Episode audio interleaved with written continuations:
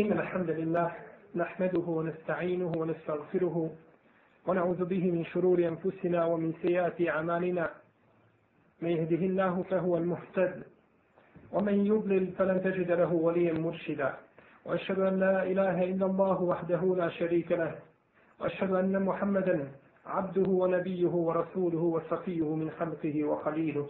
أدى الأمانة وبلغ رسالة ونصح الأمة وكشف الله تعالى به الغمة وجاهد في الله حق جهاده حتى أتاه اليقين. يا أيها الذين آمنوا اتقوا الله حق تقاته ولا تموتن إلا وأنتم مسلمون. يا أيها الناس اتقوا ربكم الذي خلقكم من نفس واحدة وخلق منها زوجها وبث منهما رجالا كثيرا ونساء. واتقوا الله الذي تساءلون به والأرحام.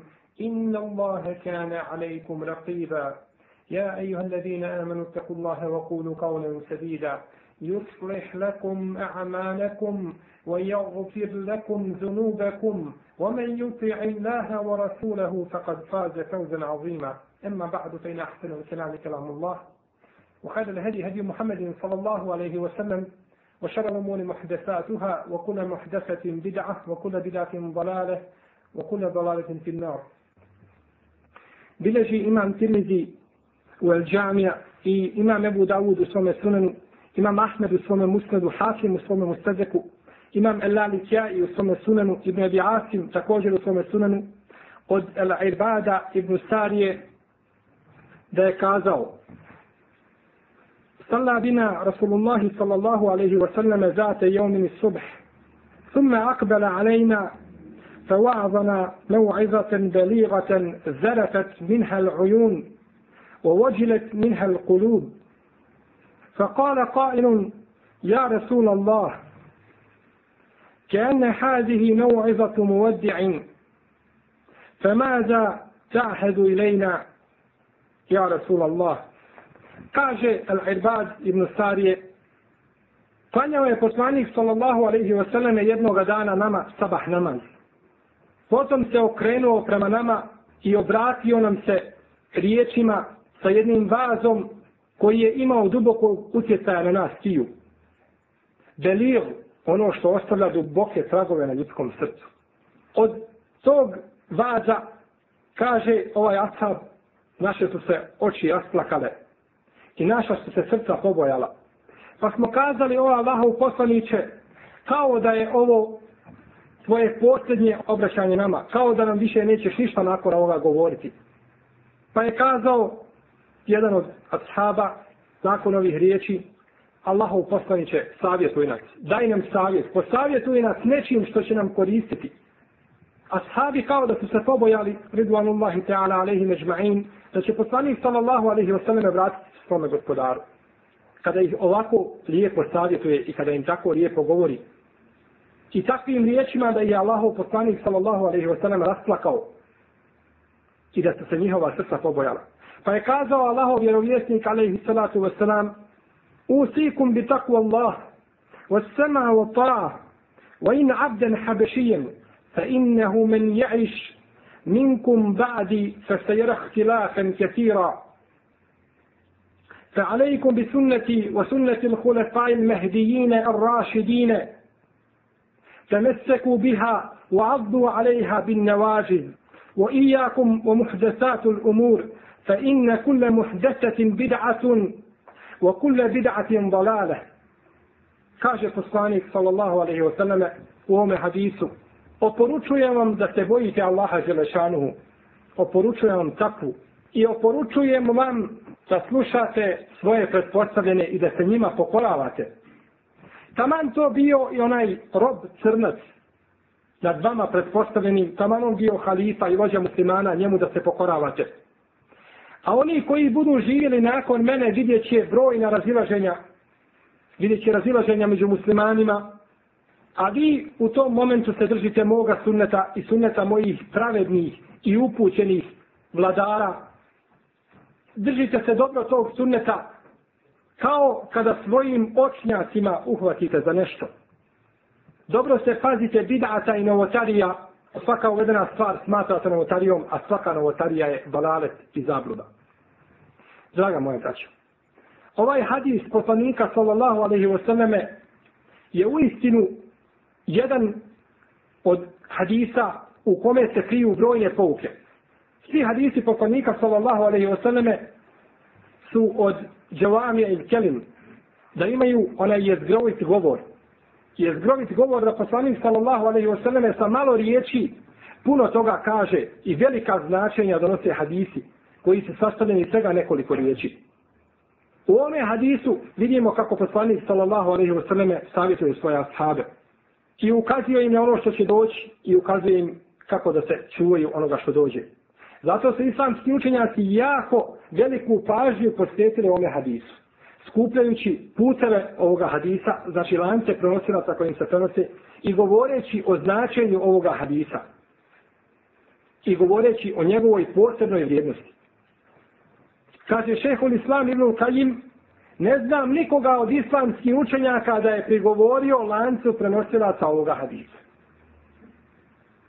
A kaže šehol Islam ibn Ređep al-Handali u svome dijelu Džani al-Ulum wal-Hikam, nakon što je spomenuo ovaj hadis i neke sitnice o kojima su govorili islamski učenjaci vezano za ovaj hadis, da ga je većina jedna velika većina hadijskih stručnjaka ocijenila vjerodostojnim. Potom naveo skupinu učenjaka i hadijskih eksperata i stručnjaka koji su prihvatili ovaj hadis i radili po njemu. Al-Irbad ibn Sari je ashab, poslanika sallallahu alaihi wasallame, kome je nadimak Ebu Neđih. Bio je poznat među ashabima po svome pozivanju na dobro i odvrćanju od zla bio je jedan od onih prvaka, od prvih koji su primili islam i koji su pomogli ovu vjeru. Prenosi se da je on bio četvrtina islama. U jednoj se predaj navodi da je on rekao kuntu rubu al islam. Bio sam četvrtina islama. No međutim kaže imam Zehebi u Sijaru I'lamin Nubela da ova predaja od Ibada, Ibada ibn Sarije nije vjerodostojna. No međutim navodi se sa vjerodostojnim putevima koje bilježe imam Kirmizi, Hakim ibn Huzeyme, imam Ahmed i drugi, da je Amr ibn Abese kazao za sebe da je bio šestopina Islama. Vidimo, draga moja braćo, kako su ashabi smatrali sebe dijelom Islama. Kako su smatrali da on nosi jedan teret dina i vjere. Da on nosi jednu četvrtinu Islama. Da je on odgovoran, ako se desi nešto Islamu, da je on odgovoran za sve ono što pogodi Islam od zla, a on se nije, znači, trudio da brani ovu uzvišenu vjeru. I smatrao je sebe znači jednim dijelom ove uzvišene vjere. U ovome hadisu vidimo kako je poslanik sallallahu alaihi wa sallam bio bližan da poučava svoje ashabe dinu i vjeru.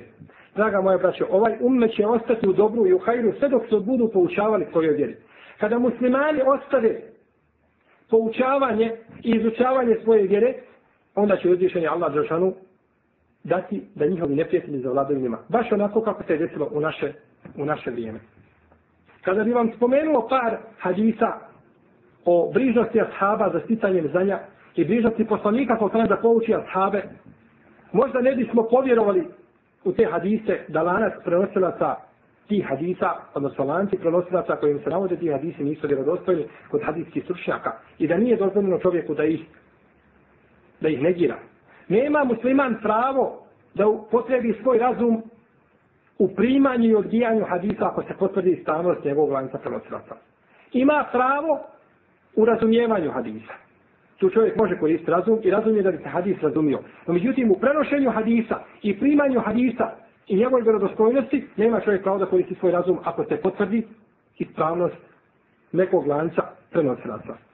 Kaže Amr ibn Ahtab Jednoga dana poslanik sallallahu alaihi wa nam je klanjao sabah namaz. Potom se je, kaže, popeo na minbar. Potom je, kaže, govorio nakon sabaha sve do podne namaza. Potom je sišao, klanjao podne namaz, potom se ponovo vratio na minbar. Pa nam je ponovo govorio sve do ikindije namaza. Pa je sišao, klanjao ikindiju, pa potom govorio do akšava. Govorio je poslanik sa alejhi ashabima cijeli dan. Draga moje braćo, Pogledajte bližnost poslanika sallallahu alaihi wasallame da pouči svoje ashabe, jeri i dinu. Cijeli dan, od sabaha do akšama. Ko to može izdržati? Ko može izdržati da govori cijeli dan od sabaha do akšama? I ko je taj ko može izdržati da sluša cijeli dan? Sigurno onaj ko može govoriti, onaj ko se brine o svojoj djeci i da pomogne ovaj din u vjeru. A također onaj ko isluša.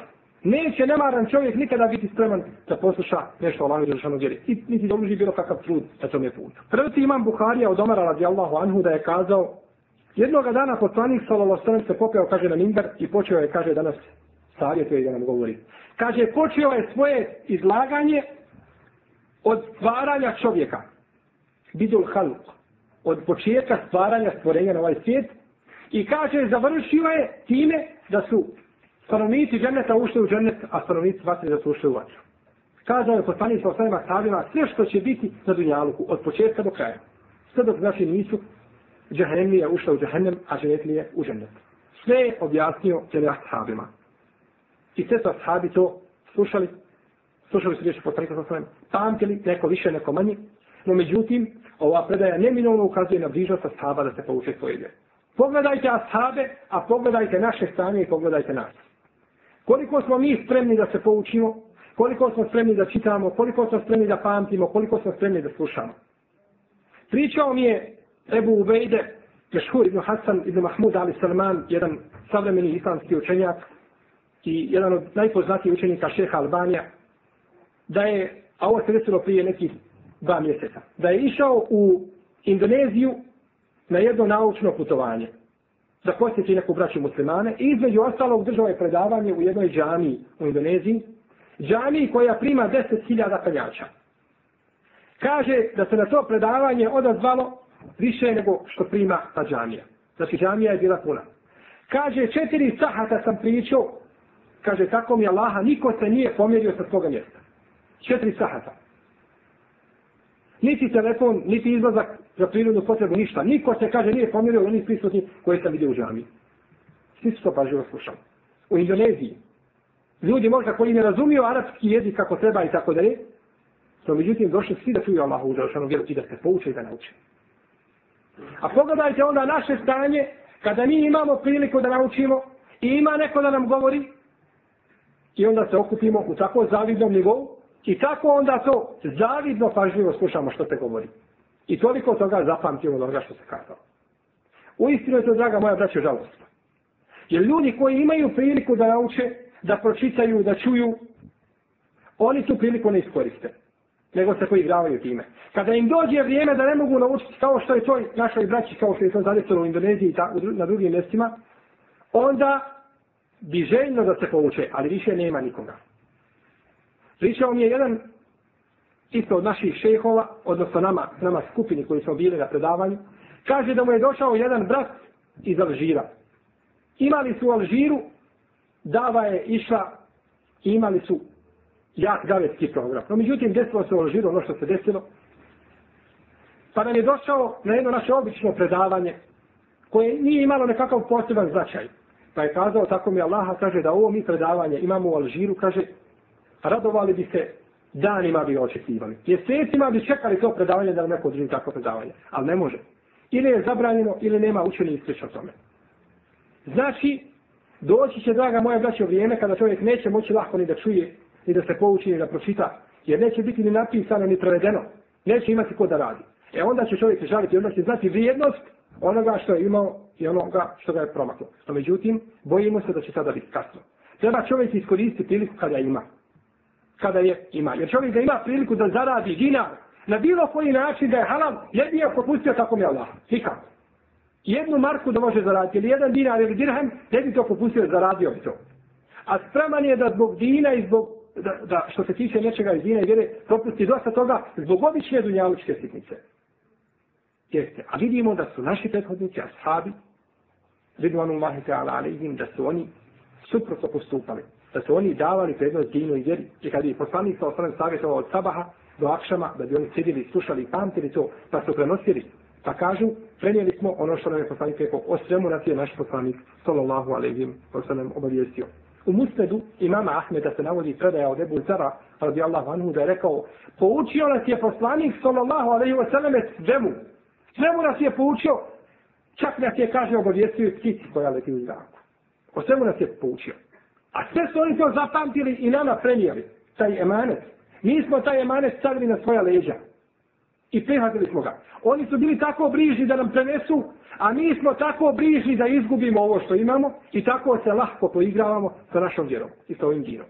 A ne znamo koliko je krvi proliveno da bi se ova vjera sačuvalo i koliko su islamski učenjaci noći proveli neprespavano i tako dalje i koliko su uložili na trudu očuvanja ove naše vjere.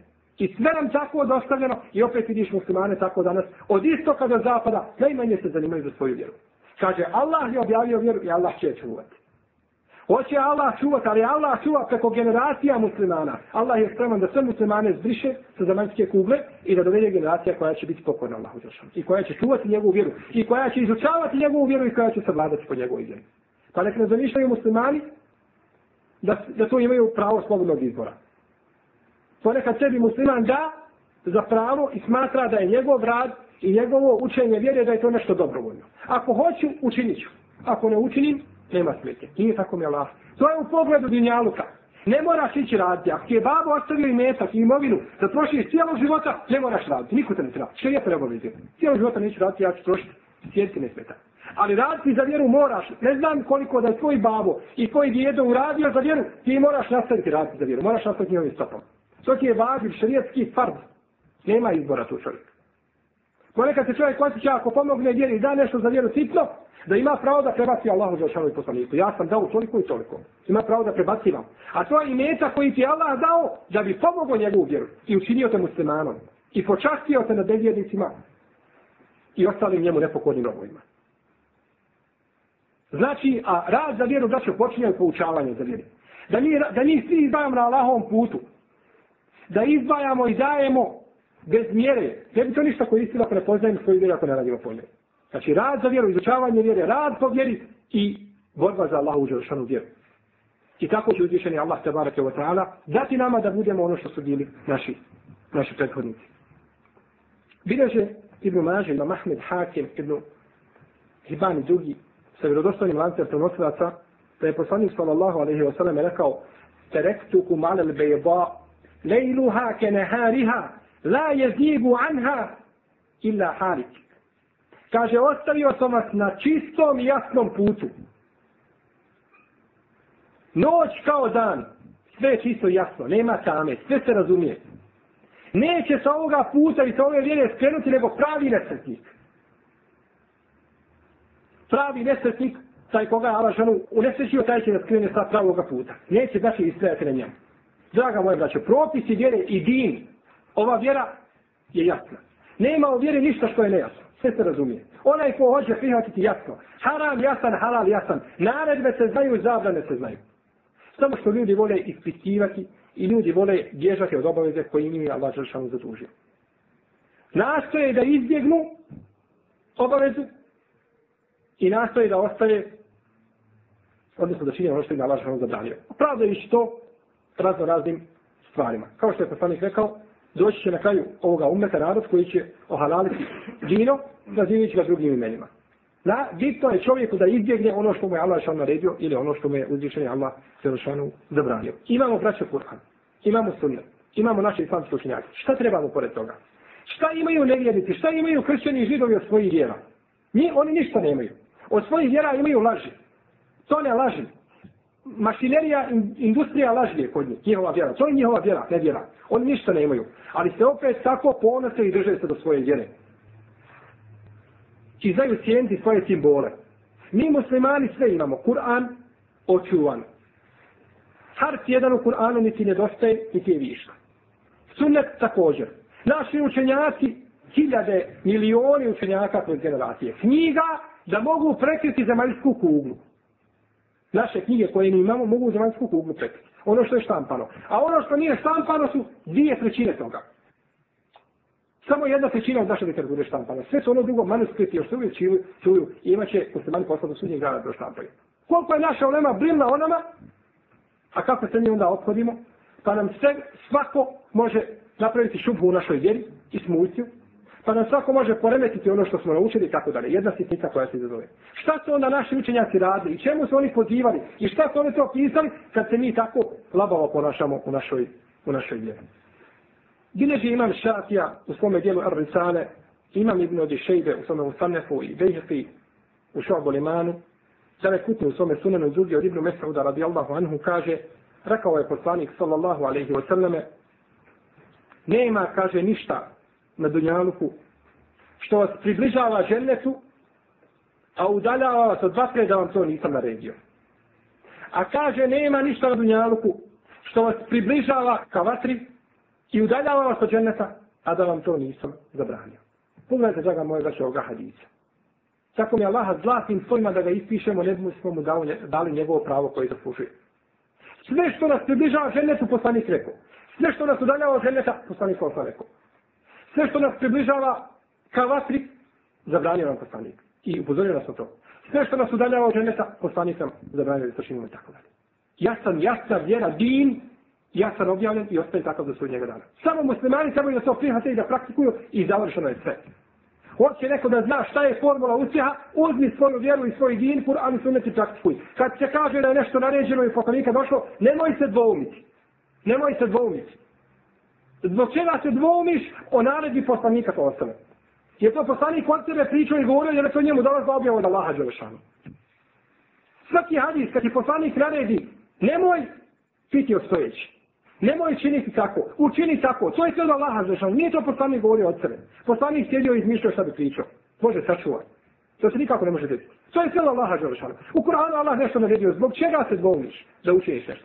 Allah ti zabranio da obavljaš na radnom mjestu radiš koje je haram. Zbog čega se dvomiš da napustiš to radno mjesto?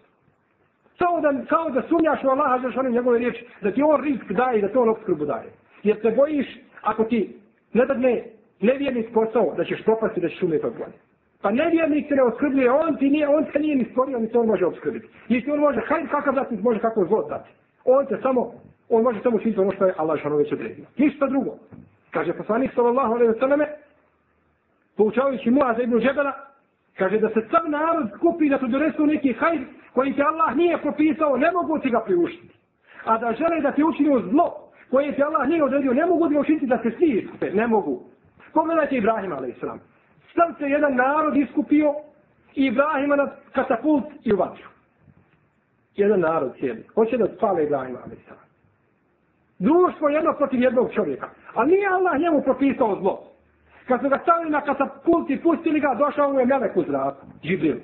Pa mu kaže, o Ibrahime, imaš me, kaže, kakvu potrebu. Šta mislite, draga moja braća, da se starama tako desilo, pa došao Džibril i kaže, imaš me kakvu potrebu. Čovjek bi se obiručke uhvatio za krilo Džibrila i ne bi ga pustio. Jer su to teški momenti, treba pasti u vatru. Kaže, kažu neki mu fesili da takva vatra nikad nije na dunjavku zapaljena. Toliko velika vatra, kažu da plamen vatre kad višao, da bi ptice u zrak palio. Što to bio visok plamen. Da spale Ibrahim a.s.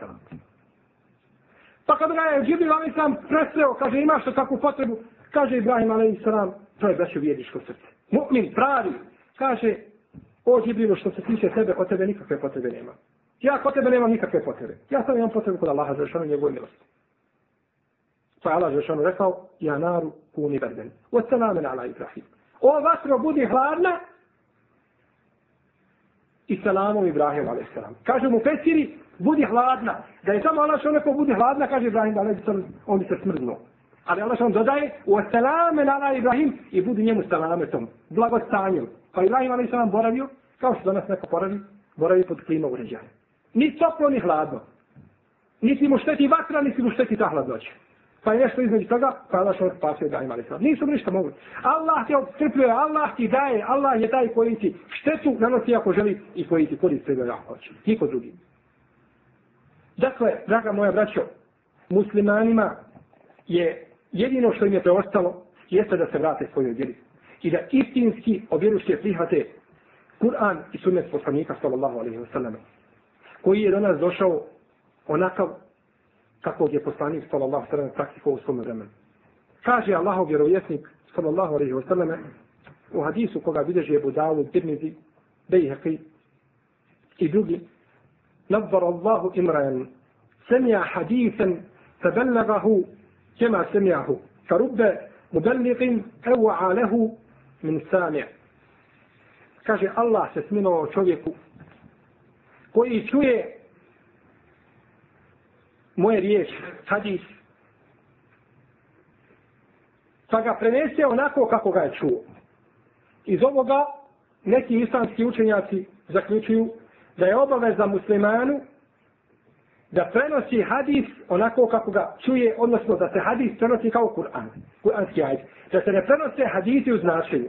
Jer će čovjek ponekad prenijeti hadis u značenju, pa će misliti da je prenio onako kako je poslanik sa to želio. No međutim, to će izmijeniti njegov pravo značenje. I zato je obaveza čovjeku da prenosi hadise, i to je bilo kod ravija koji prenosi hadise onako kako ga čuje.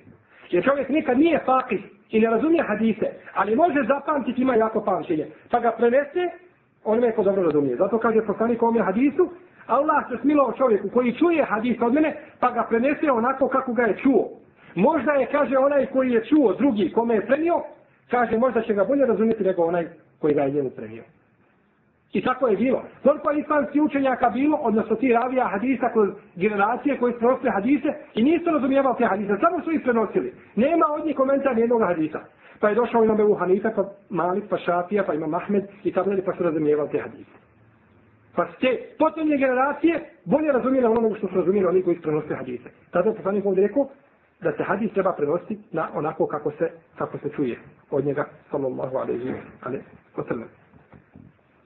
Draga moja braćo, vidimo znači kako je poslanik sa osanem u ovom hadisu nastojao da ukaže ashabima i da ih pouči njihovoj vjeri.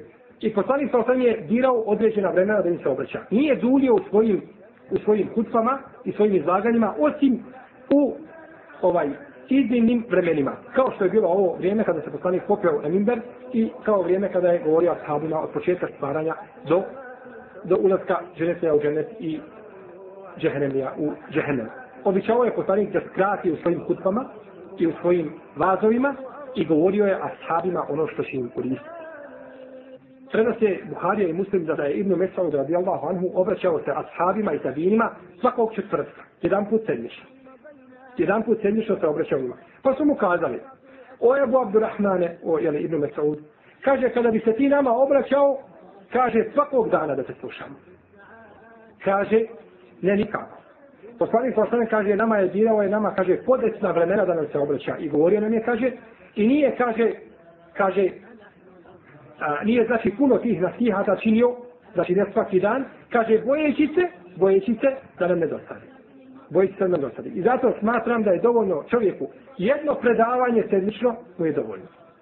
Ako uz to predavanje bude jedna hutba, ne smeta. No, međutim, ne bi smjelo nikako to preći dva predavanja. Jer čovjek više ne shvati vrijednost toga. Čovjek shvati onda samo da sluša. Svako večer sjedi i spreman je da sluša i samo da sluša. I da ti podaci ulaze na jedno uho da izlaze na drugo. Nema primjene. No, međutim, kada čovjek čuje jedno predavanje sedmično, onda će se poželjeti toga predavanja i onda će biti ovaj, a, a, bolje se slušati i ono što čuje to će sigurno primijeniti u svoj praksu. Jer kada čovjek samo nauči da sluša, da sluša, a ništa ne primjenjuje, onda njegovo srce odtrne. أتينا جموعا لنحمي الجباه وارتضينا جهادا ليفنى الطغاة أتينا جموعا لنحمي الجباه وارتضينا جهادا ليفنى الطغاة I on je naučio da sluša i sve ga on čuo. Što god mu kažeš, tako je po sunetu, kaže, čuo sam ja to. Ja sam čuo predavanja i predavanja. Pa što ne praktikuje živ bio? Pa kaže, ja znam to, ja sam čuo. Ja slušam, ja učim, ja čitam i tako, nema zašto. Zato što je srce otvrlo. Jer on čuje hadis, čuje ajet, čuje komentar, čuje, čuje, a ništa ne praktikuje.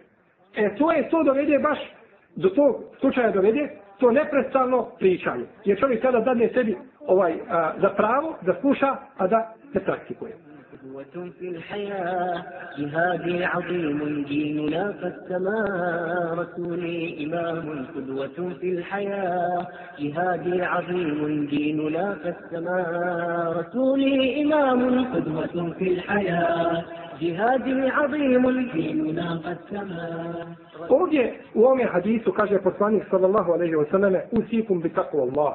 Kaže ja vas savjetujem i ja vam oporučujem takvaluk i bogobojaznost. Najbitnija stvar za čovjeka na dunjalku jeste takvaluk.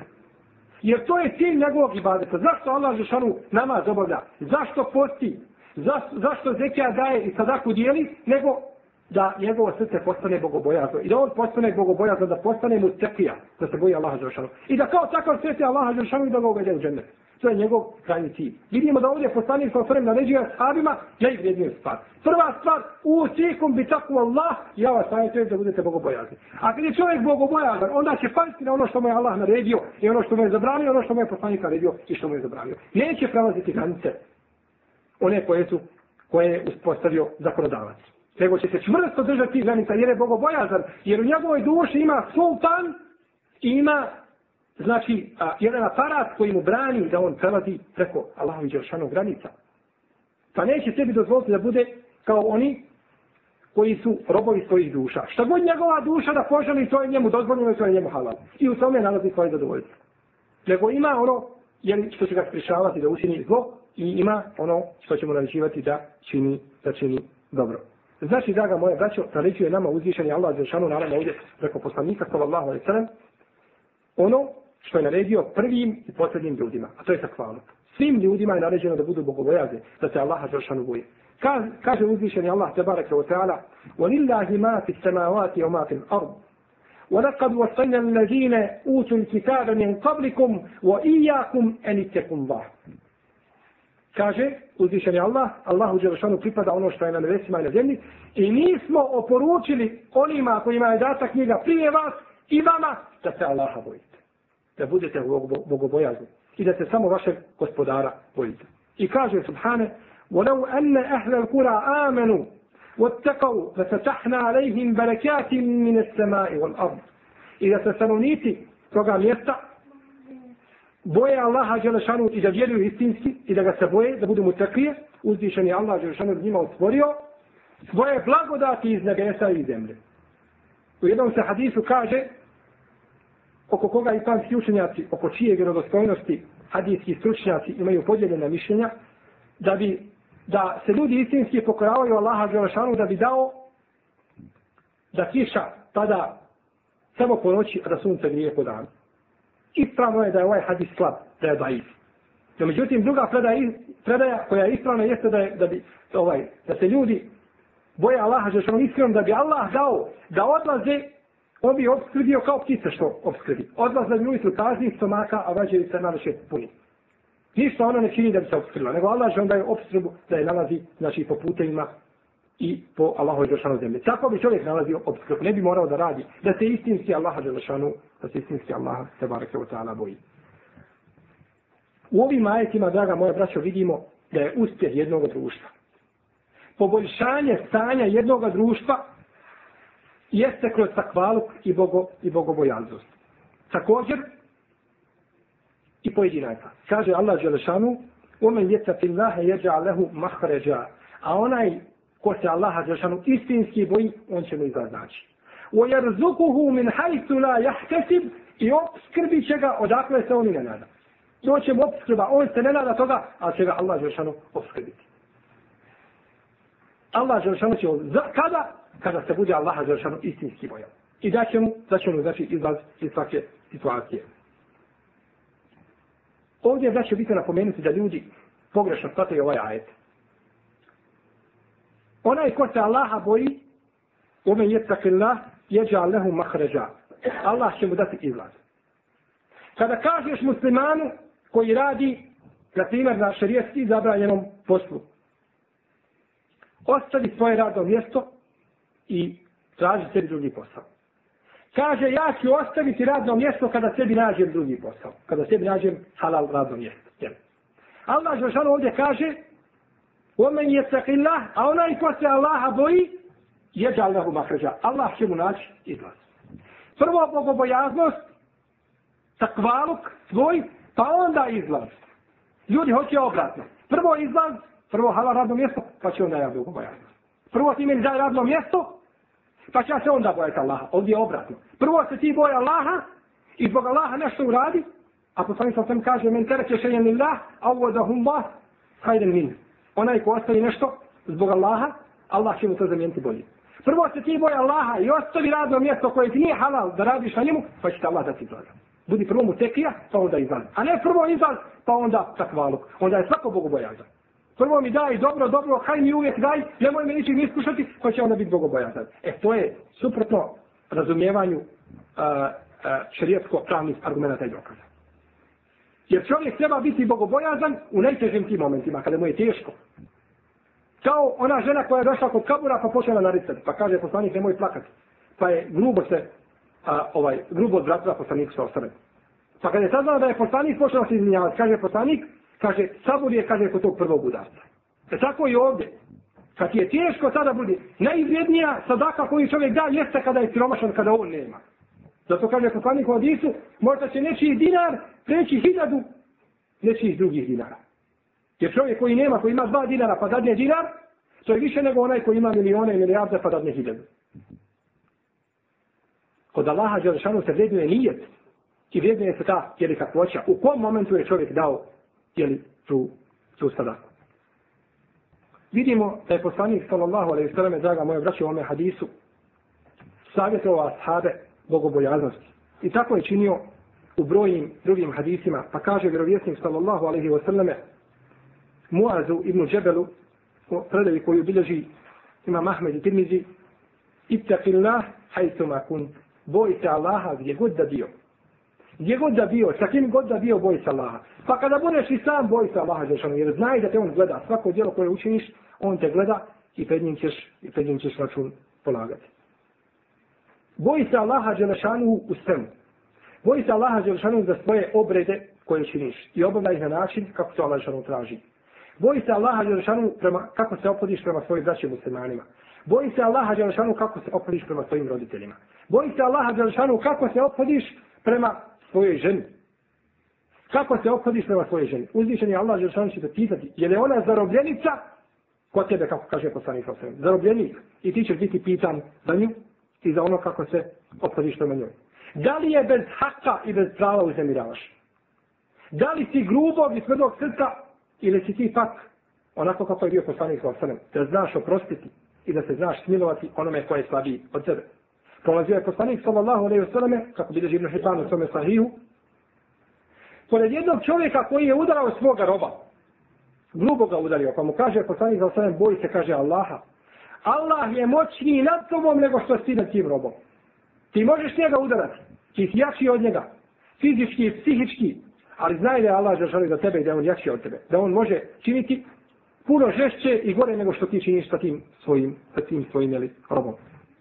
Kaže poslanik sallallahu alejhi ve sellem dalje u ovome hadisu i pokoravajte se, kaže, kaže vladaru koji bude vama jeli, prepostavljen, makar on bio i crni habešija. Jer pokornost vladaru je važib ako je on pokoran Allahu Đelšanu. To je farbi, čovjek mora, kaže poslanik, ali i salatu wasalam, u hadisu koga bliže Buharija i Muslim, onaj ko je nepokoran vladaru svome, nepokoren je meni. Ako je nepokoren meni, nepokoren je Allahu Đelešanu. Mora se čovjek pokoriti, znači u onome u čemu je pokornost uzvišenom Allahu Tebarake o Teana. Nastavlja dalje Allahu poslanik u ovome hadisu pa kaže Omen ja iš minkum im badi sa se jerah tilaten kefira. A oni koji budu od vas živjeli nakon mene, vidjet će brojna razilaženja. Vidjet će razilaženja. Vidjet će da se muslimani podijeli onako kako je rekao poslanik u 73 sekte, 73 frakcije. Svaka smatra da je na istini i da je na pravom putu. A poslanik kaže, ali i sallatu wasalam, a samo jedna od njih će biti u džennetu. Prava ona koja je uspjela, to su, kaže, oni koji su na onome na čemu sam ja danas, danas, jako bitno danas, znači u vrijeme poslanika sa osvrame, u vrijeme objave, i moji ashabi. Onoga čega se držim ja, to je Kur'ana i Sunneta, i onoga čega se drže, drže moji, moji ashabi. Ovdje se, draga moja braća, misli pod ovim frakcijama i grupama, mnogi muslimani griješe pa smatraju sve one muslimane koji imaju nekakav džemat ili ustanovu, koji su možda malo izišli iz a, tih okvira, a, pa čine, na primjer, neke sitne bidate i tako dalje, da su oni odmah od stanovnika vatre. Ili smatraju da su a, ljudi koji imaju podijeljena fikska, fikska mišljenja, da su oni odmah od stanovnika vatre i da su oni jedna od ovih skupina. To nije tačno. Ne može se smatrati nijedan pripadnik koji se drži nekog od priznatih mezheba da je on jedan od ove 73 frakcije. Nije. Mezhebi su Zato što četiri meseba su priznata kod ehlu sunneta od džemata i nije ispao nikome da kaže malikije nisu od ehlu sunneta i oni su od jednog od ovih skupina. Tako vrijedi za hanetije, tako vrijedi za šafije, tako vrijedi za malikije i tako dalje. To se odnosi na to. Ove su frakcije i ove grupe su braće poput Muatezila, poput Džehmija, poput Murđija i drugi zalutali sekti. Koje se jasno kose sa kajdom ehlu sunnata od džemata, a da o fikhu da ne govorim. To se odnosi na, na te zalutale, na te zalutale sekte. Spomenuo je poslanik, ali i sallatu wasalam, bolest koja će biti. A to je razilaženje. Kaže, ko bude živio nakon mene, vidjet će brojna razilaženja. A vidite milosti poslanika sallatu wasalam. I to je pravi liječnik za umet. Kada spomene bolest, spominje joj šta? Lijek. Nije ostavio umet da oni traže lijek i da oni štihade. Jer bi znao, Allah zna najbolje do čega bi do kakvog oni štihada došli. Nego kaže im lijek. I bit će bolest, a to je razilaženje. Šta je lijek? Alejkum bi sunneti. Držite se moga sunneta. O sunneti el hulefaj il rašidin el mehdijin. I sunneta mojih upućenih pravednih vladara. Abdu alejha bin nevađin. I držite se tog sunneta svojim, kao svojim očijacima kada uvatite. Ovdje je jedna znači jako bitna stvar vezana za arapski jezik. Kaže, držite se moga sunneta i sunneta mojih pravednih vladara. Potom kaže, držite se tog sunneta kao svojim očijacima. U arapskom jeziku ima jednina i dvojina i množina. Pa nije rekao ovdje Abdu alejhima držite se ta dva suneta. Moga suneta i suneta mojih pravednih vladara. Nego kaže Abdu alejha držite se jednog tog sunneta. Pa je poslanik ovdje kao će kazati moj sunnet i sunnet mojih pravednih vladara to je sve jedan sunnet. To nisu dva sunneta, to je jedan sunnet. Mojih pravednih upućenih vladara. Kako da se ne držimo sunneta pravednih vladara? Ebu Bekra radijallahu anhu. Za koga je poslanik sa osvrame rekao jedne prilike Kaže, vidio sam u džennetu jedna džennetska vrata. Kaže Ebu Bekr, Allahu poslaniče, kamo sreće da sam ja bio sobom pa da sam ta vidio vrata, na koje će ulaziti naš umr. Kaže poslanik sa što se tiče tebe, ti si prvi koji ćeš ući na ta vrata. Nakon mene, kada ja dođem i uđem, ti si prvi Ebu Bekr koji ćeš ući na, na ta vrata, džennetska. U drugom predaju kaže poslanik sa nikada mi nije ničiji imetak pomogao kao što mi je pomogao imetak metak Ebu Bekr. Najviše sam to koristio i metkom Ebu I kaže poslanik sallallahu alejhi ve selleme jednog dana je spomenuo ashabima dženecka vrata. Pa je rekao na svaku od ovih, na svaka od ovih vrata će ući po jedna skupina ljudi. Postači imaju svoje vrata, klanjači imaju svoje, svako ima svoje vrata. Pa je pitao Ebu Bekr, o Allahu poslaniče, ima li čovjek koji će ući na svaka vrata, ući na koja želi ta vrata ili na sva vrata od jedan put, Allah zna ne bile toga. Pa kaže, ima Ebu Bekr i molim Allaha da ti budeš jedan od Kako ne sleti čovjeka za koga je poslanik to neko da ga najviše voli od svih ljudi. Kad je pitan u predaju koji bliže Buhari Muslim, kod je najdrži čovjek, kaže, najdrži čovjek i najdrža osoba mi je Ajša, a od ljudi kaže njen otac, Ebu Bekr. Najdrži čovjek poslanik, kako ga ne sledi? Kako ne sledi Omara radijallahu anhu za koga poslanik sallallahu alaihi sallam kaže da ima nakon mene poslanik, to bi bio Omar. Ali nema nakon mene više poslanika. Ali ti si ovaj Bekre sličan poslanicima. Da ima poslanik, ti bi prvi bio poslanik. I sad je poslanik, o sine hata Bogu. Kaže, kada se goji šeitan spreka na jednom putu, kaže, pobjegne na drugi dio puta. Ne smije se suočiti s tobom. Nema hrabrosti da se suočiti s tobom. Kako ne slijedi toga čovjeka? Govorili su ashabi poslanika, sallallahu alaihi wa sallame, u predaj koji bliži vam Buharija, kaže, od kako je Omer primio islam, kaže, mi smo, mi smo se, kaže, izbavili poniženja. Nismo više poniženi. Sada smo vidjeli svoje svjetlo, kako je Omer primio islam. I nakon toga, u istinu kada je Omer primio islam, tada su mušnici shvatili da su u istinu poniženi. Kako ne slijediti takve ljude? Zato kaže poslanik sa svojim, držite se moga suneta i suneta mojih pravednih vladara. Ebu Bekra, Omara, Osmana i Alije. A o Osmanu i Aliji isto tako govori o njihovim fadilatima, njihovim dobrotama, koliko god želite. I prepune su, hadijske zbirke su prepune, jeli fadileta i odlika ove dvojice pravednih vladara. Ovdje kaže poslanik, držite se moga suneta i suneta mojih pravednih vladara. Nije dovoljno, draga moja braća, da kažemo mi smo muslimani na kitabu i na sunnetu. Držimo se kitaba i sunneta i mi smo muslimani. To nije dovoljno. Mi ne bismo mogli razumjeti Kur'an i sunnet na način kako se razumjela sahabi. Onaj ko kaže, ja ću se držati Kur'ana i sunneta i ne zanima me ništa više, znajte da će skrenuti s pravog puta. Kako? Kur'an i sunnet su objavljeni.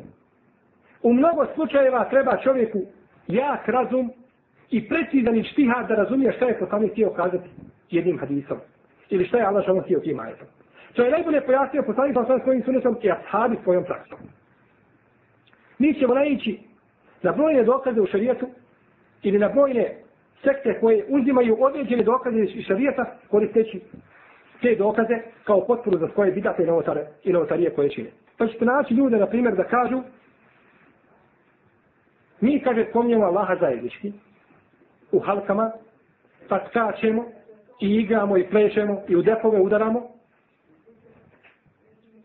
Radimo ono što nikad niko od islamskih učenjaka nije radio. Pod prizmom Islama i želeći da se približimo Allahu Đelšanu. Dobro, šta vam je dokaz?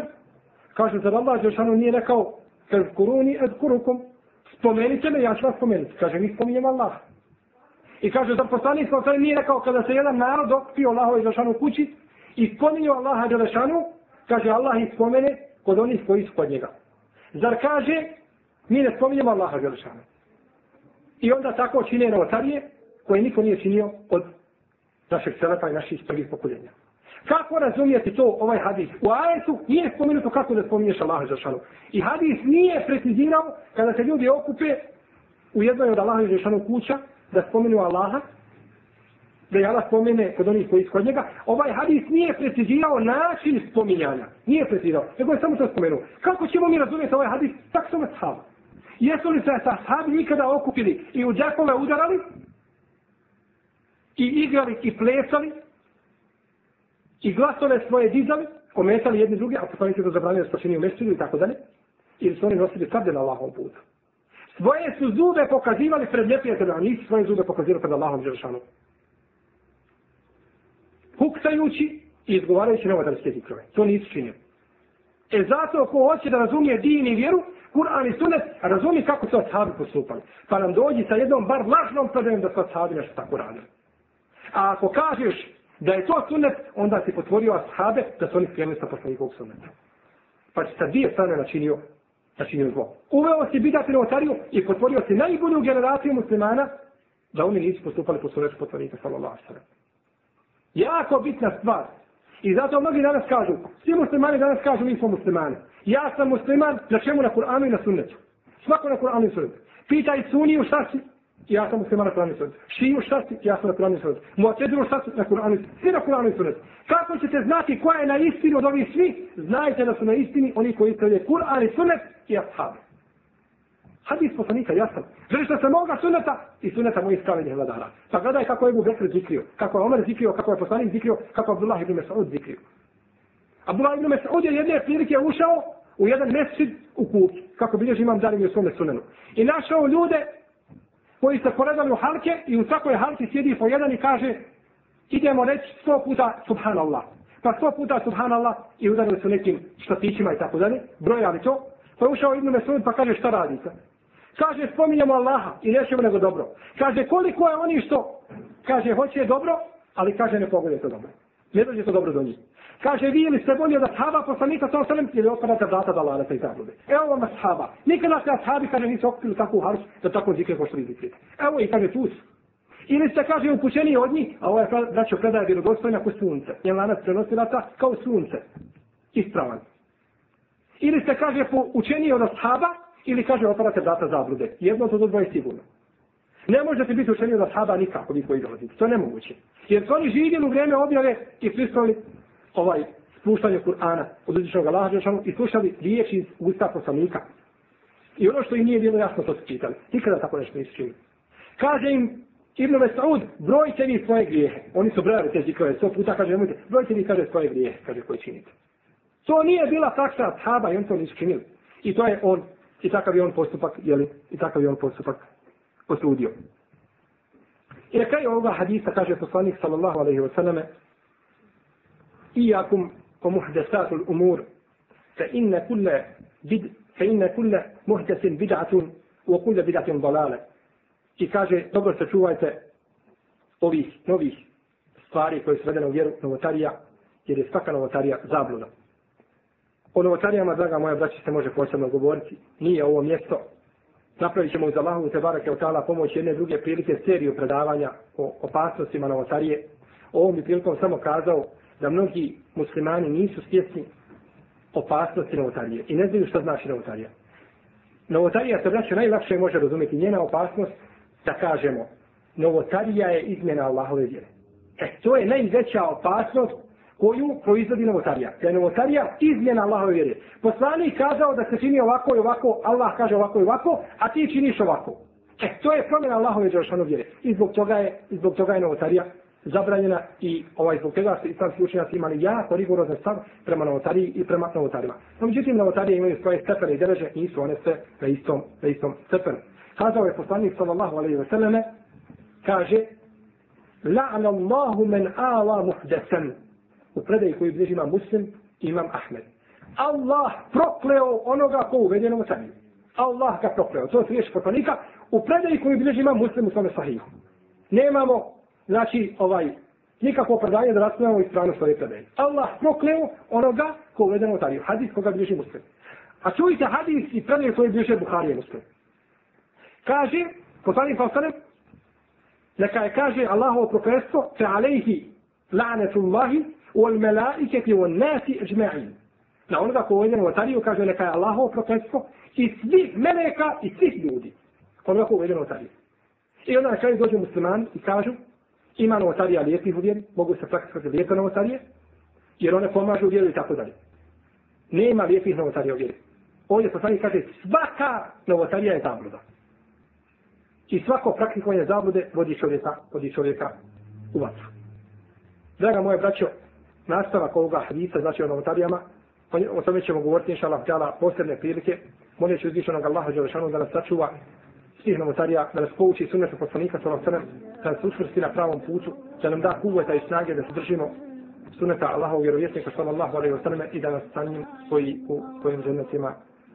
هذا وصلى الله على نبينا محمد وعلى اله وصحبه اجمعين جزاكم الله خيرا